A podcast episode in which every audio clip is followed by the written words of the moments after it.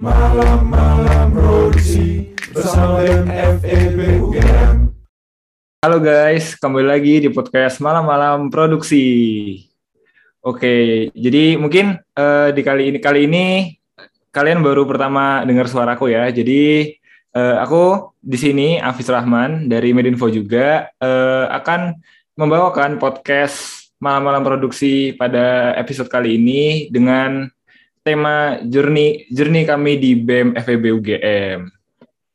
Oke, uh, di, sekarang di sini aku nggak sendiri, aku ditemenin uh, host juga, ada Nuskuri. Halo Nuskuri, mungkin bisa say hi. Halo, aku Nuskuri. Salam kenal. Oke, hai Nus. Oke, pada podcast yang sekarang kita udah kedatangan tiga bintang tamu nih guys. Sini ada Mas Rafid dari Kepala PPI, juga ada Dela dan Stefani dari PSDM. Mungkin bisa say hi dulu semuanya. Halo. Halo. Salam kenal ya. Halo, halo, salam kenal. Oke, jadi di podcast uh, episode ini kita bakal ngebahas tentang BMFB pastinya. Kita akan bahas dari bironya ada apa aja, divisinya ada apa aja, terus uh, gimana sih uh, cara kerja di BEM dan manfaat-manfaat apa aja yang bakal kita dapetin kalau masuk jadi staff di FEB di BEM FEB UGM. Oke, okay. uh, mungkin kita bakal langsung aja ya. Kita udah nyiapin juga beberapa beberapa pertanyaan yang bakal ditanyain ke tiga bintang tamu kita di podcast episode kali ini.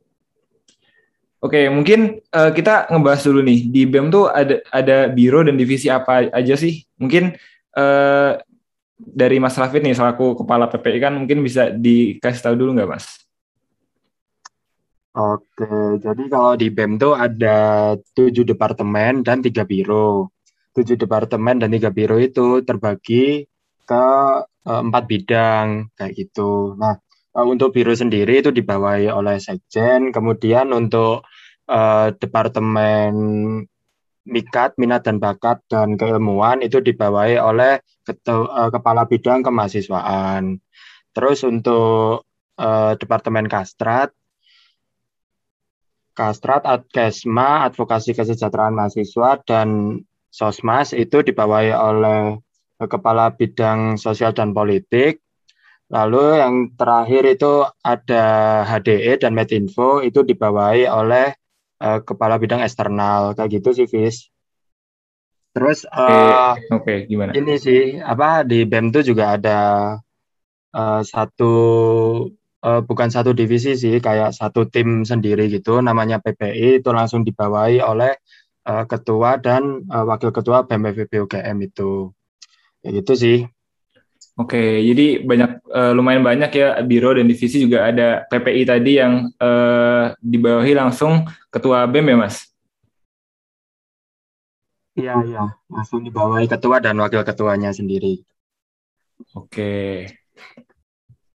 Uh, berarti tadi juga ada disebutin ada divisi PSDM nih yang uh, dua speaker, dua yang tamu kita dari divisi tersebut ada Dela sama Stefani tadi. Oke, uh, selanjutnya kita bakal ngebahas tentang sistem kerja uh, di BEM tuh. Jadi sistem kerja terkait proker-proker di BEM tuh gimana sih? Uh, apakah setiap staff itu bertanggung jawab kepada proker masing-masing atau uh, kerjanya tuh lebih lebih berkolaboratif gitu? Jadi kayak kerjanya uh, tiap proker di di kerjain bareng-bareng atau tiap proker ada tanggung jawabnya sama staffnya masing-masing gitu. Mungkin eh, Dela sama Stefani bisa jawab ya. Kan mungkin dari PSDM gimana kalau di PSDM? Oke, mungkin dari PSDM sendiri karena sebenarnya kita tuh biro ya, jadi kita tuh supporting sistemnya BEM FEB UGM dan dia uh, itu kita tuh khusus ke hubungan internal dari BEM itu sendiri. Jadi uh, misalnya kayak proker-proker kita, misalnya salah satunya nanti tentang open recruitment ya, itu nanti akan ada tanggung jawabnya uh, penanggung jawabnya sendiri dan mereka akan pegang itu sendiri. Dan sebenarnya penanggung jawab itu ya untuk kayak istilahnya kontrol program kerjanya itu sih nanti kita juga bakal ngerjain bareng-bareng gitu. Kayak gitu sih. Mungkin Steph ada tambahan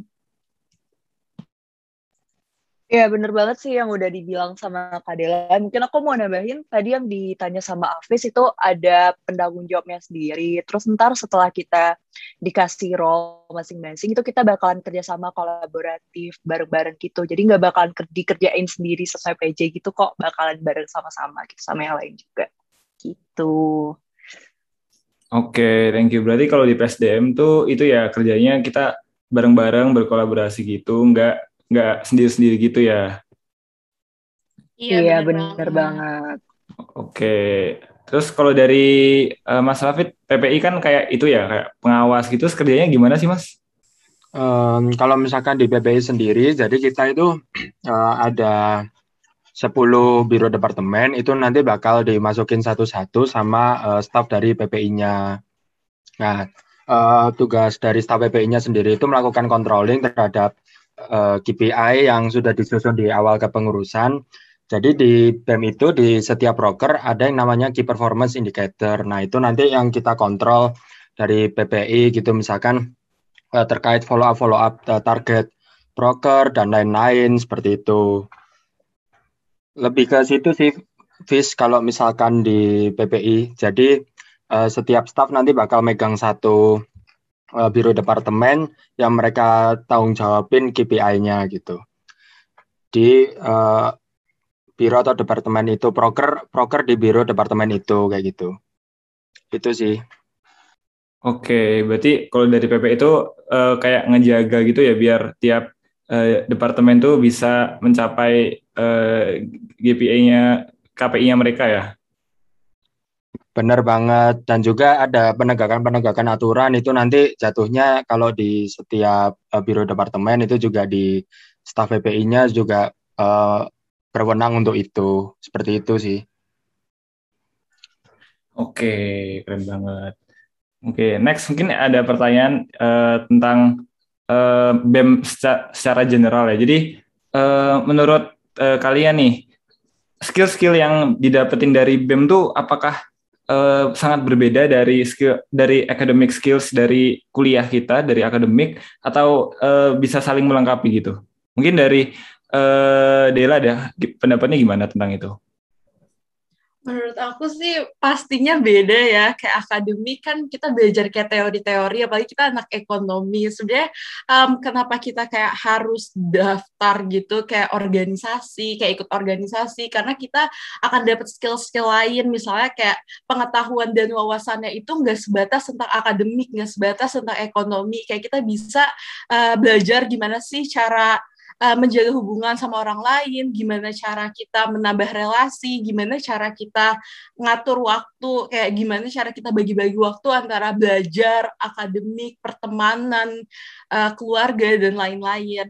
Dan di sini kita juga bisa belajar untuk uh, gimana sih cara kita ngomong sama orang, gimana cara kita ngomong di depan banyak orang. Jadi kayak kita sebenarnya harus banget sih untuk ikut organisasi di perkuliahan ini. Kayak gitu. Oke, iya sih bener banget. Kayak kurang kurang juga ya misalnya kita kuliah doang terus nggak ikut organisasi organisasi gini. Apalagi BMFB kan kayak keren banget. Sayang banget kalau kita nggak daftar ya. Iya bener banget. Apalagi kayak kalau misalnya anak 20, 21 kan online ya. Gimana cara mereka ketemu sama orang-orang di saat sebenarnya kayak kehidupannya virtual aja gitu loh. Kayak ya ya paling kalau misalnya di kelas ya itu-itu aja dong Nah, makanya kita juga butuh untuk ketemu yang lain-lain dari tiga jurusan itu, kayak gitu menurut aku. Iya bener, iya bener banget sih. Jadi uh, selain nambah skill, yang pasti nambah relasi juga ya dari uh, dari tiga jurusan yang ada di FEB. Mungkin uh, Stefani mau nambahin nggak tentang ini?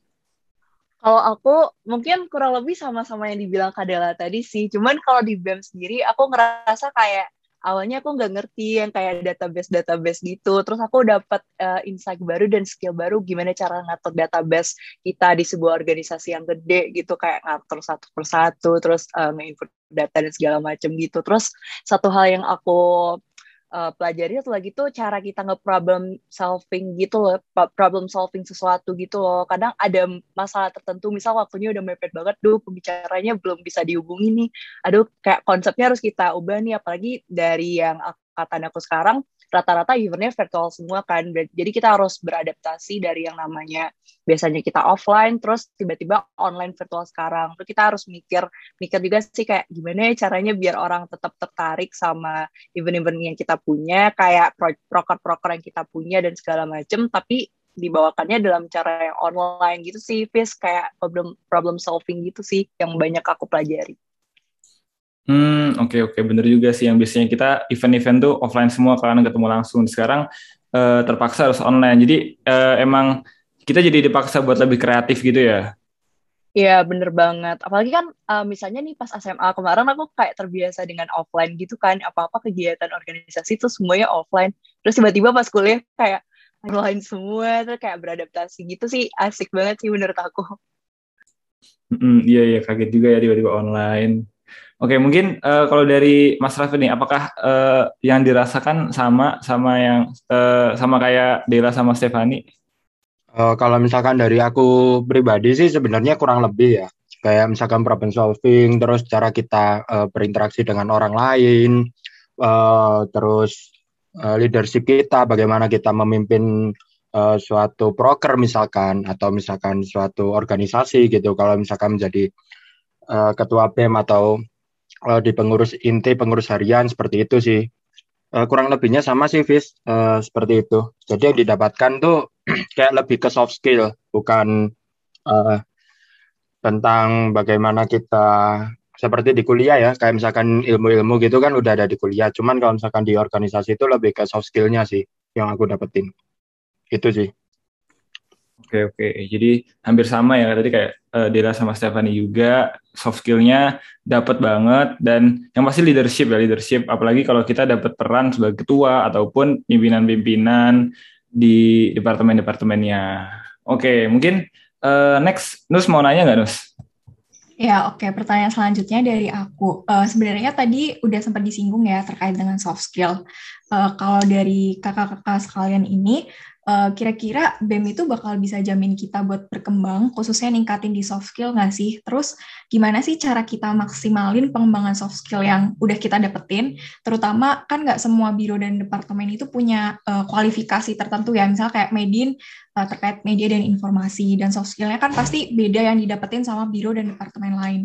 Nah gimana sih kita biar bisa dapat opportunity ataupun kesempatan yang sama? Boleh dari Stefani? Kalau aku sih uh, ya kita banyak-banyak yang ikut proker lain sih. Misalnya dari aku dari PSDM gitu. Terus uh, pas teman-teman Medinfo ngadain proker yang uh, bincang bincang kayak gini di podcast, ya ikut ikut aja bareng-bareng sama teman-teman yang lain. Terus kayak sekarang kan aku lagi ngejalanin proker juga nih di PSDM dan kita nggak kolaborasi, nggak kerja sendiri di PSDM doang, tapi juga kayak nge-share proker yang kita punya ke biro-biro lain, departemen lain. Jadi satu BEM tuh bisa saling tahu, oh gini ya kayak event-event yang ada di, atau proker yang ada di salah satu biro atau departemen. Terus kayak event-eventnya uh, ini HDE, terutama kan yang banyak banyak nyinggung proker-proker eksternal kan kayak HDE itu. Jadi dari semua BEM sebenarnya bisa ikut berpartisipasi di event yang dimiliki sama HDE itu kayak kita bisa kenal sama event-event lain, proker-proker lain. Jadi satu BEM bisa ngerti gitu sih Nus kalau dari aku.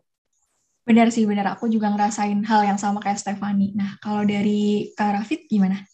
Uh, kalau misalkan dari aku sih kayak pertama tuh tentuin dari diri sendiri kita dulu gitu. Kayak misalkan uh, oke okay, berarti aku ikut organisasi ini soft skill yang bakal aku dapetin tuh uh, aku berekspektasi seperti ini gitu. Nah terus uh, kemudian kalau misalkan di BEM sendiri itu benar tadi kata Stefani. Jadi uh, di BEM itu ada yang namanya sistem proker klasifikasi gitu di mana uh, proker ini wajib diikuti oleh uh, seluruh biro departemen. Nah, klasifikasi klasifikasi itu tentunya uh, di, uh, diharapkan itu bisa meningkatkan apa ya kayak uh, soft skill yang uh, anggota BEM dapat gitu, bukan anggota sih, pengurus BEM dapat gitu dari setiap proker yang ada di BEM. Contohnya ya uh, proker tiap departemen itu tadi, kemudian uh, setiap biro departemen wajib uh, mengirimkan anggotanya untuk uh, ikut ke dalam proker itu. Nah, itu uh, jadi salah satu apa ya salah satu opportunity lah yang uh, bisa dikatakan setara untuk seluruh uh, biro departemen biar uh, mengetahui masing-masing proker dari biro departemen lainnya gitu yang ada di BMFB kayak gitu sih. Kalau dari Kadela? Ya, sebenarnya uh, hampir sama sih kayak Steph sama Rafid. Apalagi kita kan kayak waktu daftar BEM, kita udah menentukan kan kita mau masuk biro departemen mana. Jadi sebenarnya kita juga udah menentukan minat kita lebih ke mana. Dan sebenarnya kalau misalnya kita mau keluar dari zona nyaman kita untuk mempelajari hal-hal baru, itu juga boleh banget. Jadi balik lagi ke diri kita sendiri, mau ngejalaninnya itu di uh, biro departemen mana. Dan tadi bener banget yang proker klasifikasi itu, kita juga bisa belajar dari birdep-birdep lain gimana sih cara kerja dari proker ini, apa sih yang mereka lakuin dan kita juga bisa dapat uh, skill dari sana juga. Kayak gitu sih Jadi bisa aku simpulin atau summarize kalau misalkan sebenarnya uh, semua orang yang ikut BEM itu bisa dapat opportunity ataupun manfaat yang sama, asalkan bisa ngembangin diri dengan ikutan uh, program-program klasifikasi, terus ataupun uh, bekerja sama sama biro lainnya. Terus pertanyaan selanjutnya uh, terkait dengan soft skill juga, kira-kira uh, manfaat dari BEM ini khususnya di soft skill efeknya itu bisa apa ya berdampak ke professional field nggak sih kayak misalkan nanti waktu kerja bisa bermanfaat atau kayak gimana? Coba dari Karafit. Oke, uh, kalau menurut aku bisa bermanfaat banget sih, banget malahan. Soalnya kenapa? Uh, kalau misalkan di BEM sendiri itu ada sistem gitu di mana kalau misalkan uh, pengurusnya telat terlambat ikut uh, rapat gitu kemudian kayak uh, nggak hadir tanpa izin seperti itu itu ada.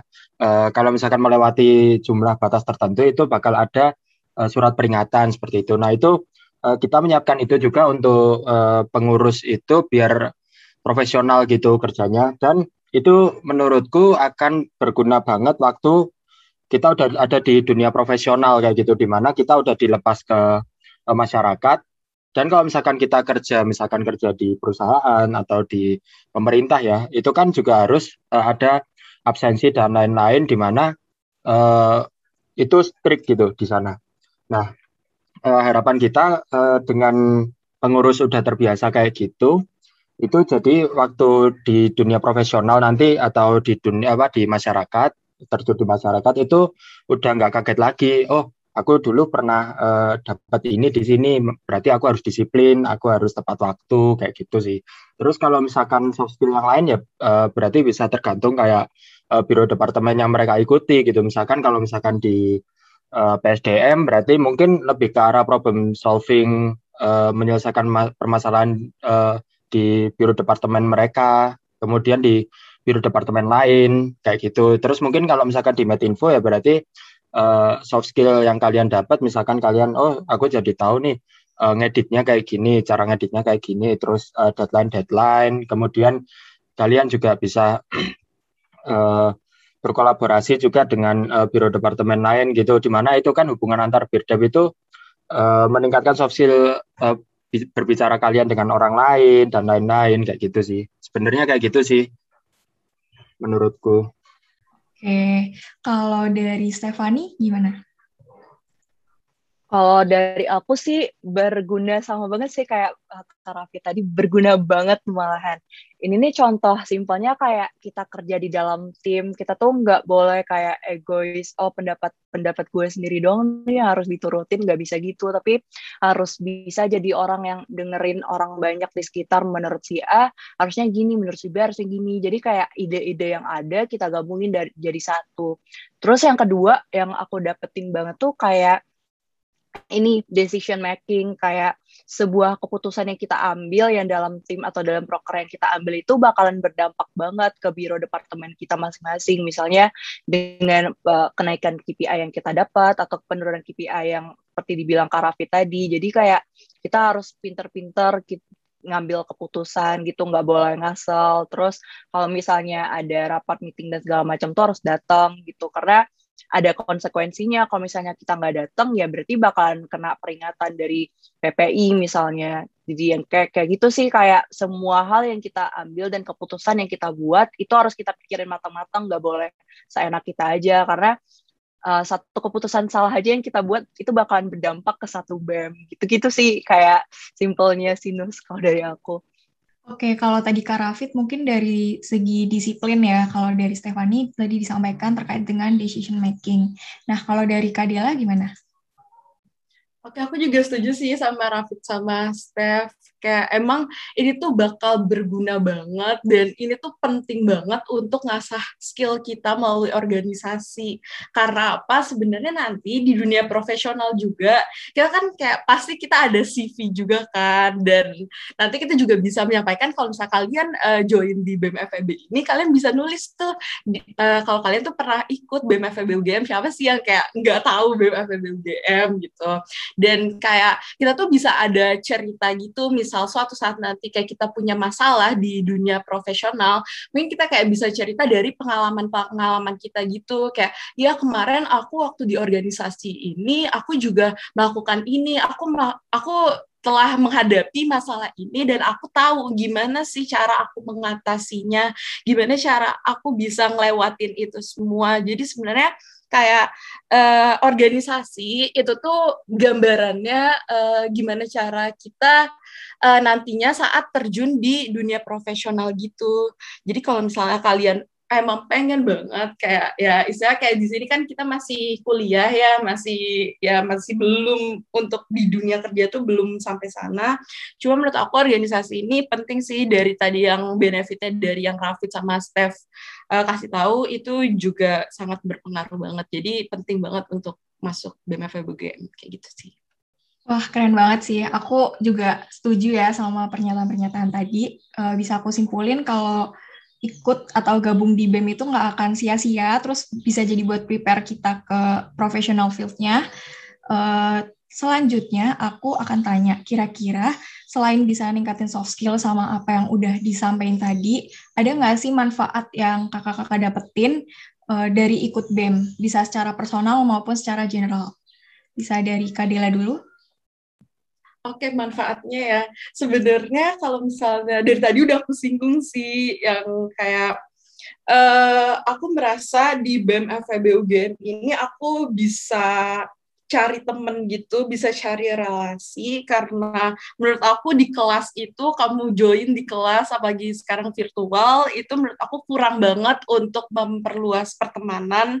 Jadi menurut aku kenapa kita kayak harus join itu karena aku bisa nambah banget teman dan uh, di saat aku punya teman ini, di saat aku punya teman sekaligus partner kerja, aku juga bisa uh, melatih public speaking aku. Jadi aku bisa uh, tahu cara ngomong sama orang bisa di saat aku organisasi di saat aku temenan kayak main-main gitu aku bisa membedakannya terus uh, kemudian uh, kedua aku juga bisa uh, ngatasin yang tadi aku bilang kalau misalnya ada masalah-masalah aku banyak banget belajar uh, gimana sih cara memecahkan masalah itu problem solving ini. Uh, jadi tuh kayak ya intinya adalah aku bisa belajar banyak banget uh, di organisasi ini yang aku nggak bisa belajar di perkuliahan. Dan di sini aku juga kebetulan uh, aku kan di sini kepala biro PSDM ya, jadi aku juga bisa sekalian ngelatih leadership tadi. Karena sebelumnya aku juga nggak ada pengalaman gitu loh untuk menjadi seorang leader di organisasi SMA, SMP maupun seterusnya. Uh, terus habis itu karena aku di PSDM aku juga bisa belajar kayak karakteristik seseorang gitu loh. Kan kayak BEM banyak banget ya. Uh, lingkupnya juga tiga jurusan dan kita juga kayak seratusan hampir 200 orang.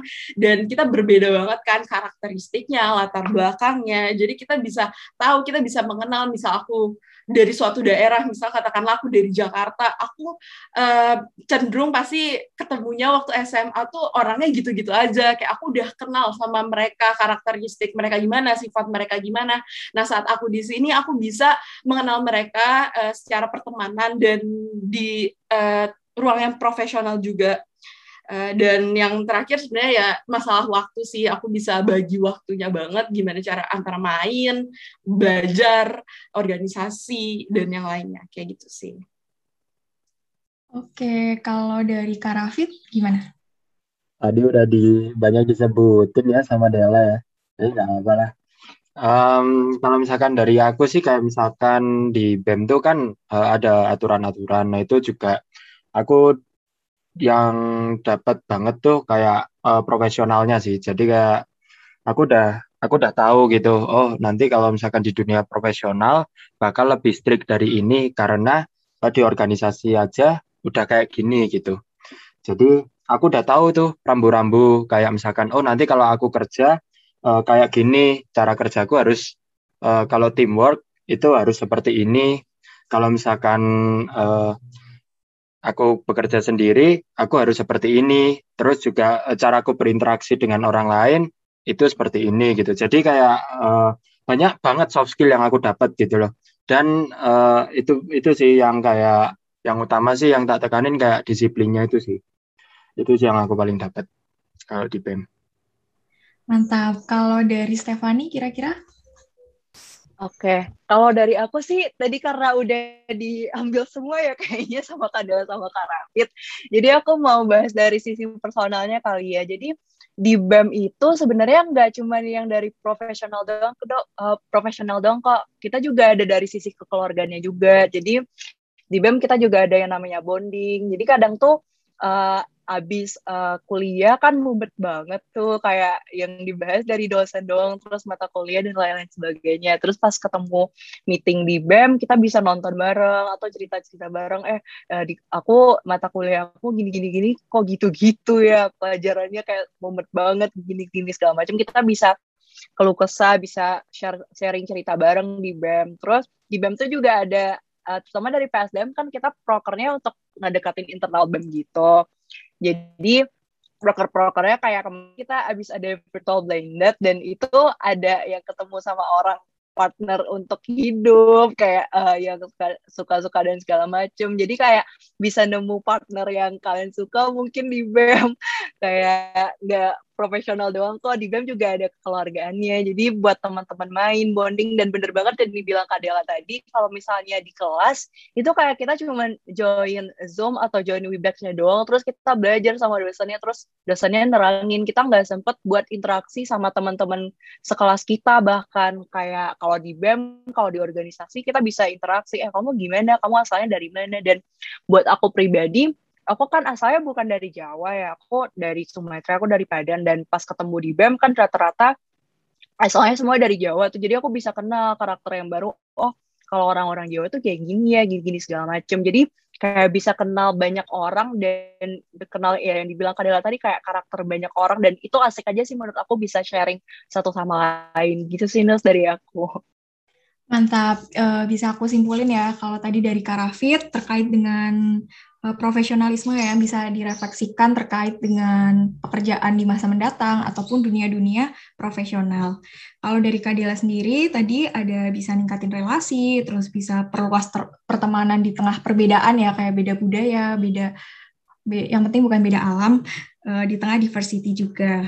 Terus kalau dari Stefani tadi sebenarnya hampir sama kayak Kadela dan secara profesional, eh, secara personal, Stefani bisa ningkatin kekeluargaan, nggak cuma uh, apa ya kalau di BEM kan mungkin ngiranya strict dan terlalu profesional ataupun kayak kaku banget. Tapi ternyata uh, di BEM kita juga bisa dapat teman baru bahkan tadi bisa dapat teman hidup baru ya. Iya. Yeah. Nah, selanjutnya, selanjutnya uh, pertanyaannya akan diajukan sama Afis. Oke. Oke, next kita bakal ngebahas BEM lagi ya, secara general aja. Uh, Oke, aku mau tanya nih apa sih yang membedakan BEM FEB UGM sama organisasi-organisasi lain, terutama yang ada di FEB ya? Soalnya kan banyak nih kayak ada yang lain lah, ada banyak tuh. Eh, terus menurut kalian apa sih yang membedakan BEM FEB? Apa yang membuat BEM FEB, BEM FEB itu lebih spesial itulah? Oh, mungkin dari uh, Mas Rafi dulu udah gimana? Oke, mungkin kalau dari aku sih melihatnya ya, uh, kalau di BEM tuh kita gabungan dari tiga jurusan gitu. Jadi kalau misalkan di uh, mungkin di lembaga kemahasiswaan lain juga gabungan dari tiga jurusan ya. Cuman kalau misalkan di BEM itu karena kita bergeraknya di ranah uh, eksekutifnya, jadi uh, kita bekerja itu banyak banyak banget prokernya. Terus juga kita uh, mengenalnya banyak orang gitu dari tiga jurusan. Mungkin kalau misalkan dari HMJ gitu kan tiap jurusan tuh uh, per jurusan per jurusan. Nah kalau misalkan di BEM tuh itu tadi gabungan. Jadi kita bisa apa ya ya interaksi kita bisa lebih banyak lah dengan orang lain. Ya gitu sih Vis kalau aku lihatnya simpelnya. Hmm, Oke oke. Terus mungkin dari uh, Dela gimana pandangannya tentang BEM nih?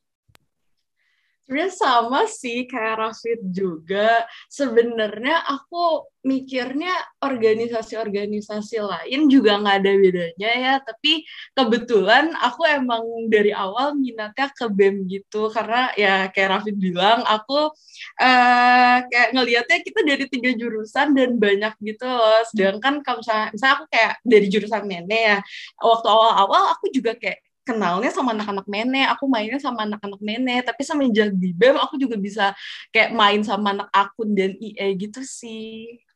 Jadi kurang lebih sama.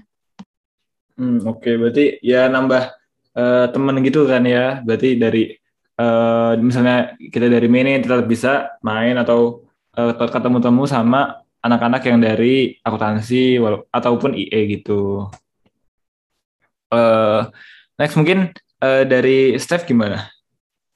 Kalau dari aku kurang lebih sama sih. Aku kebetulan juga ikut HMJ dan ya bedanya ya kayak dimention sama Karafit tadi. Kalau di BEM ya kita ketemu sama tiga jurusan langsung. Kalau kayak aku di HMJ aku aku kebetulan mene jadi aku cuma ketemu sama ya anak-anak manajemen doang gitu nggak ada dari anak akuntansi dari anak-anak IE dan kalau misalnya mau disebutin sebenarnya dari masing-masing jurusan di FPB UGM tuh ada karakternya sendiri gitu kayak anak manajemen tuh biasanya orang-orang sering ngira tuh kayak anak manajemen santai banget sih orangnya. Tapi kayak anak akuntansi tuh biasanya iya anak akuntansi pelajarannya semaneng-semaneng banget sih kayak biasanya gitu. Jadi kayak bisa ketemu langsung dan bisa cerita oh sebenarnya gitu gini loh kayak anak akuntansi itu aslinya gini anak IE aslinya gini. Jadi kayak bisa tuker-tukeran aja kayak sharing aja gitu di BEM gitu.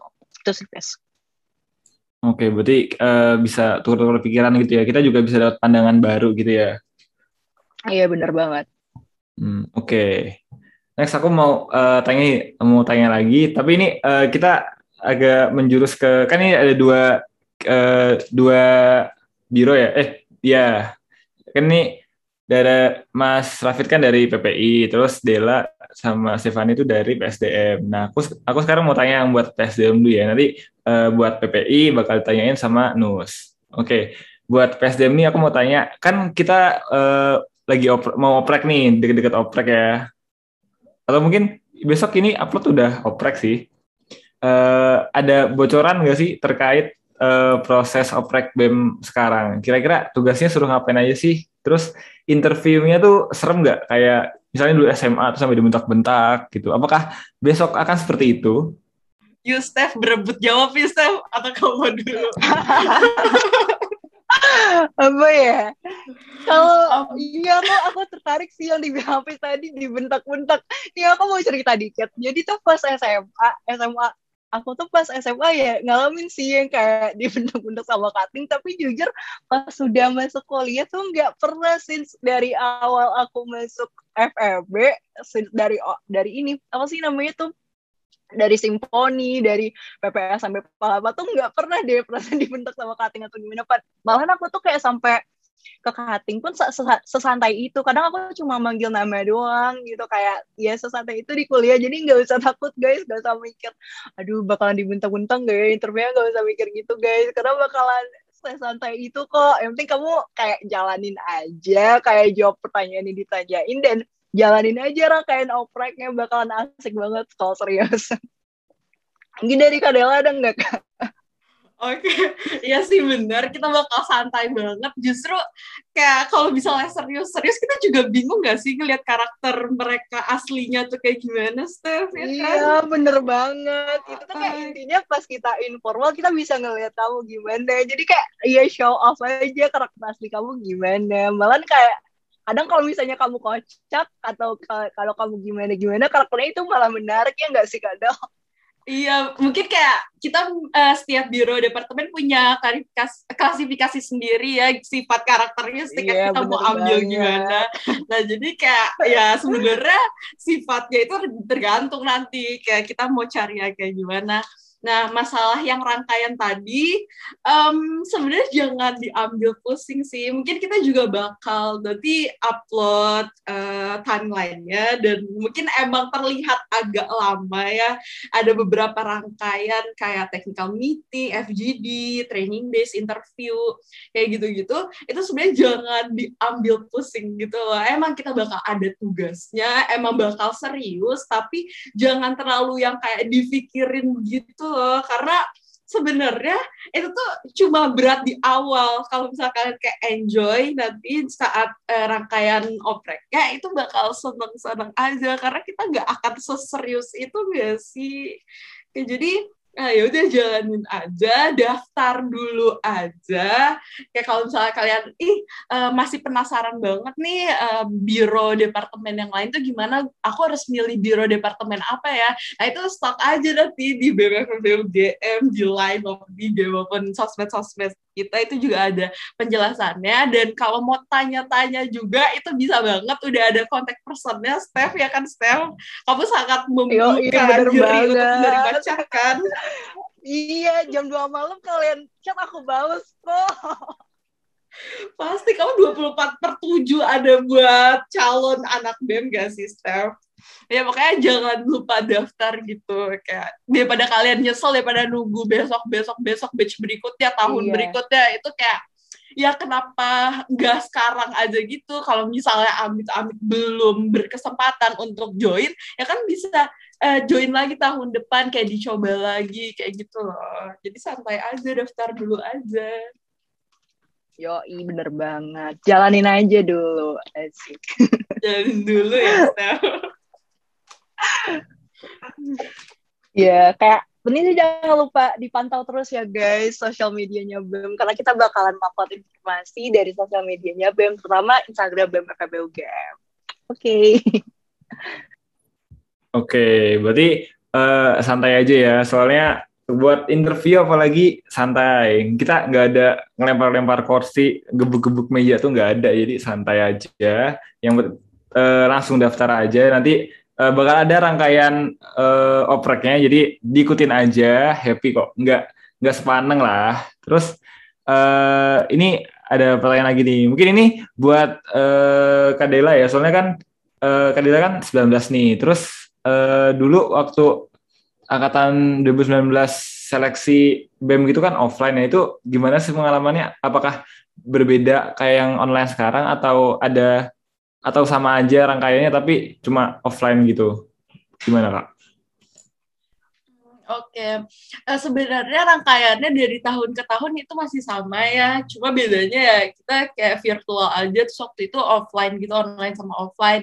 Cuma waktu offline tuh lebih kerasa kayak deg-degannya banget gak sih Fit? Karena kayak kita langsung tatap muka, beneran tatap muka di depan kita, kakak-kakak yang udah di BB gitu, kayak kita ditanya-tanyain, kayak waktu kita penugasan juga itu kita harus presentasi secara langsung, kayak gitu-gitu loh. Jadi lebih kerasa deg-degannya aja dan ada rasa takutnya gitu. Justru menurut aku ya, aku lebih pengen daftar saat-saat sekarang gitu sih. Kayak jadi kan kayak aku nih misalnya kayak on cam kan kelihatannya cuma setengah badan doang ya. Dan itu kayak kalau misalnya kita deg-degan kita grogi ya udah kayak tangan di bawah kita kayak ya udah ngeremes aja gitu. Tapi kalau misalnya waktu offline kita tuh kalau misalnya kita deg-degan kita salting gitu itu bakal kelihatan banget gitu loh tapi kalau untuk rangkaiannya ya sama-sama aja sih sama-sama ya kurang lebih sebulanan juga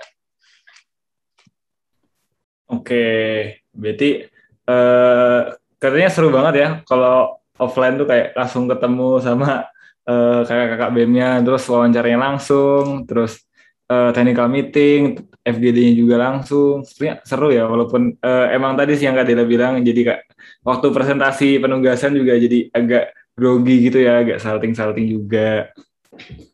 Oke, eh, mungkin next eh, bakal ada pertanyaan buat eh, buat Mas Rafid nih dari PPI. Mungkin dari Nus mau nanyain?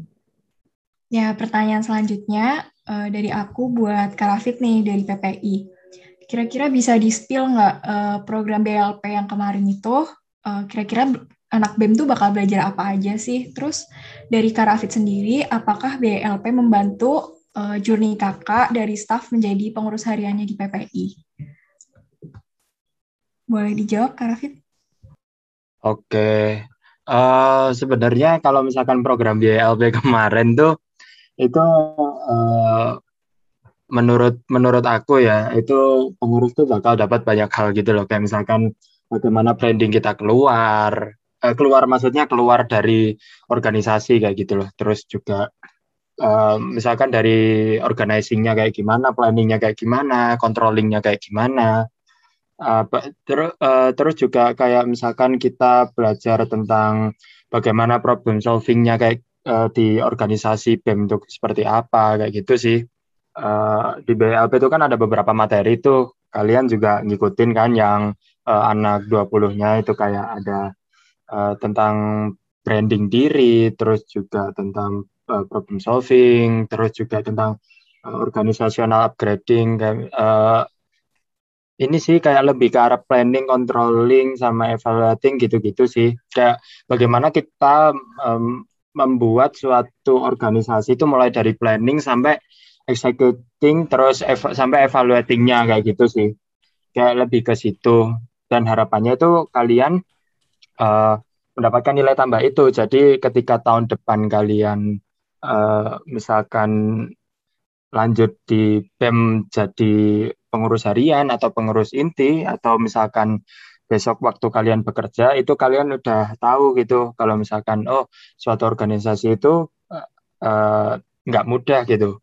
Awalnya harus ada planningnya kayak gimana terus juga aspek-aspek uh, aja apa aja yang bakal masuk ke poin KPI-nya terus belum lagi kalau misalkan terkait dengan branding diri ya tadi itu udah udah aku sebutin gitu kayak misalkan ada beberapa platform dan lain-lain kayak gitu kan. Mungkin lebih ke arah situ sih. Yang kita harapin kalian uh, dapat nilai tambahnya itu di situ. Begitu sih kalau dari aku Keren banget. Ya, aku juga ngerasain sih Kak, kayak secara pribadi manfaatnya BLP terkait dengan self branding, terus juga yang tadi benar buat gimana sih cara nentuin KPI. Nah, jadi uh, buat yang mau join BEM bisa banget dan nanti kita bakal dapat insight yang bagus banget terkait tadi yang udah Kak Rafid sampaikan. Terus untuk pertanyaan selanjutnya akan ditanyain sama Afis. Oke, ini pertanyaan terakhir sih. Jadi aku mau nanya tentang kesan uh, kalian selama jadi staff di BEM nih gimana sih? Uh, apakah kalian punya pengalaman yang paling menarik gitu deh, yang paling berkesan selama kerja di BEM? Pokoknya yang menurut kalian tuh paling uh, berharga, paling valuable. Mungkin boleh di-share ke sini. Mungkin dari uh, Dila dulu deh. Berlaku ya, ini ini aku gak gimana-gimana, tapi aku merasa setiap hari, maksudnya setiap kayak aku ngejalanin proker, kayak setiap aku rapat itu berharga gitu loh, pasti ada yang aku pelajarin. Karena kan kayak ya udah ada masalah datang, terus diselesain, terus ada sesuatu itu tuh kayak gimana kayak itu bakal berharga banget. Dan kayak kita kan juga ada target ya, terus kayak kita uh, berusaha untuk mencapai target itu. Kayak setiap harinya juga kita follow up kayak kita pro, ngelaporan progres. Dan itu menurut aku kayak semuanya berharga gitu setiap di sini. Ini bukan berarti kayak aku mau narik kalian. Udah bem bem bem bem. Tapi sumpah aku ngerasa di sini aku seneng aja gitu loh. Nggak yang aku harus kerja tiap saat. Tapi juga kayak ada main-mainnya. Kayak yang tadi Steph bilang ada bonding-bondingnya. Kayak aku jadi kayak deket sama yang lain juga gitu loh. Kayak gitu sih kalau dari aku Oke, jadi uh, dari Dila tadi uh, tiap hari itu bisa mendapat pelajaran yang baru ya, dapat hal-hal baru, terus juga uh, jadi kerasa produk produktif juga ya di BEM tuh jadinya. Oke, uh, mungkin next uh, dari Steph gimana?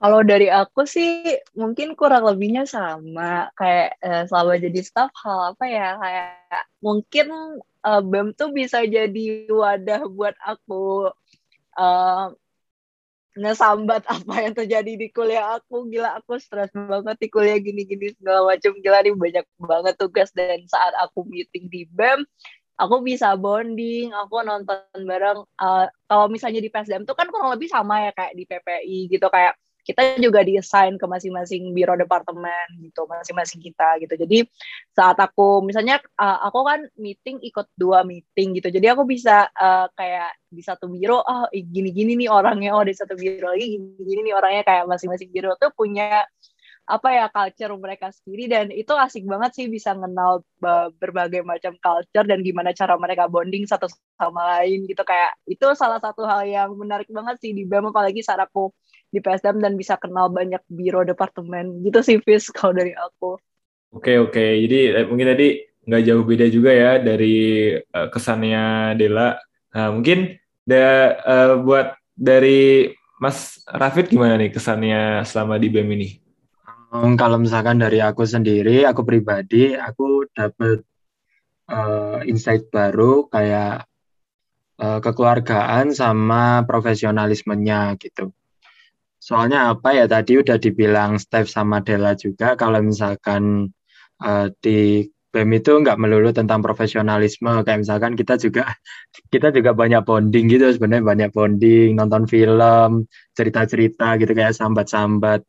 Uh, gimana sih hari ini gitu terus uh, cerita-cerita kayak masalah kita kayak gitu.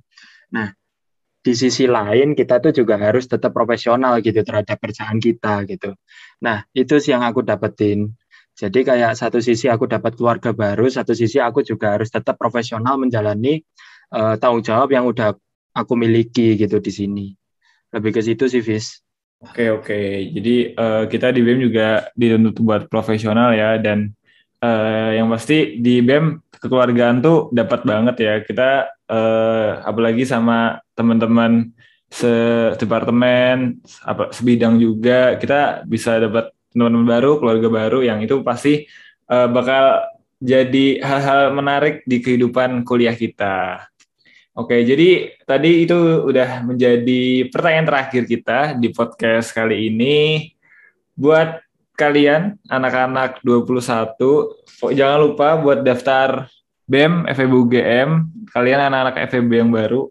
Pokoknya eh, dijamin nggak akan nyesel, bakal dapat pengalaman yang baru, yang asik dan keluarga yang pasti. Oke, Uh, mungkin sampai sini aja podcast kali ini. Terima kasih uh, buat Mas Rafid, Dela, sama Stefani yang udah ngeluarin waktunya juga buat jadi pembicara di podcast Malam-Malam Produksi di tema Journey kami di BEM FEB UGM. Oke, uh, aku sama Nus pamit dari podcast ini. See you guys, dadah. Jangan lupa daftar BEM.